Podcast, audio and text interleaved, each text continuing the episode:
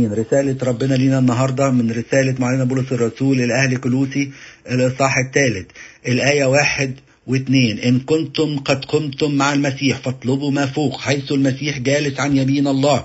اهتموا بما فوق لا بما على الأرض. عشان كده أحبائي ينبغي علينا أن نسلك مع المسيح القائم في قوة قيامته. جسد ربنا لما كان في قيامته أصبح سماوي وروحاني. يعني مش خاضع للعالم رغم إنه يعيش في العالم. عشان كده ربنا عايز مننا إن إحنا تكون سيرتنا سماوية رغم إن إحنا بنعيش في العالم. لأنه إن عشنا بحسب الجسد نموت أما إن أمتنا بالروح أعمال الجسد فنحيا. زي ما بيقول معلمنا بولس الرسول لأهل روميا صح 8 آية 13 وأعمال الجسد قال لنا الكتاب عنها اللي إحنا يجب أن نجتنبها في غلاطيا 5 19 قال كده أعمال الجسد اللي هي الزنا العهارة النجاسة الدعارة عبادة أوثان السحر العداوة الخصام الغيرة السخط التحزب الشقاق البدع الحسد القتل السكر البتر.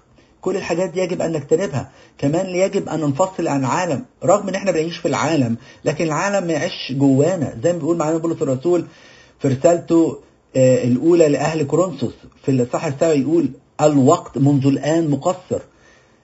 لكي الذين لهم نساء كأن ليس لهم والذين يبكون كأنهم لا يبكون والذين يفرحون كأنهم لا يفرحون والذين يشترون كأنهم لا يملكون والذين يستعملون هذا العالم كأنه لا يستعملونه.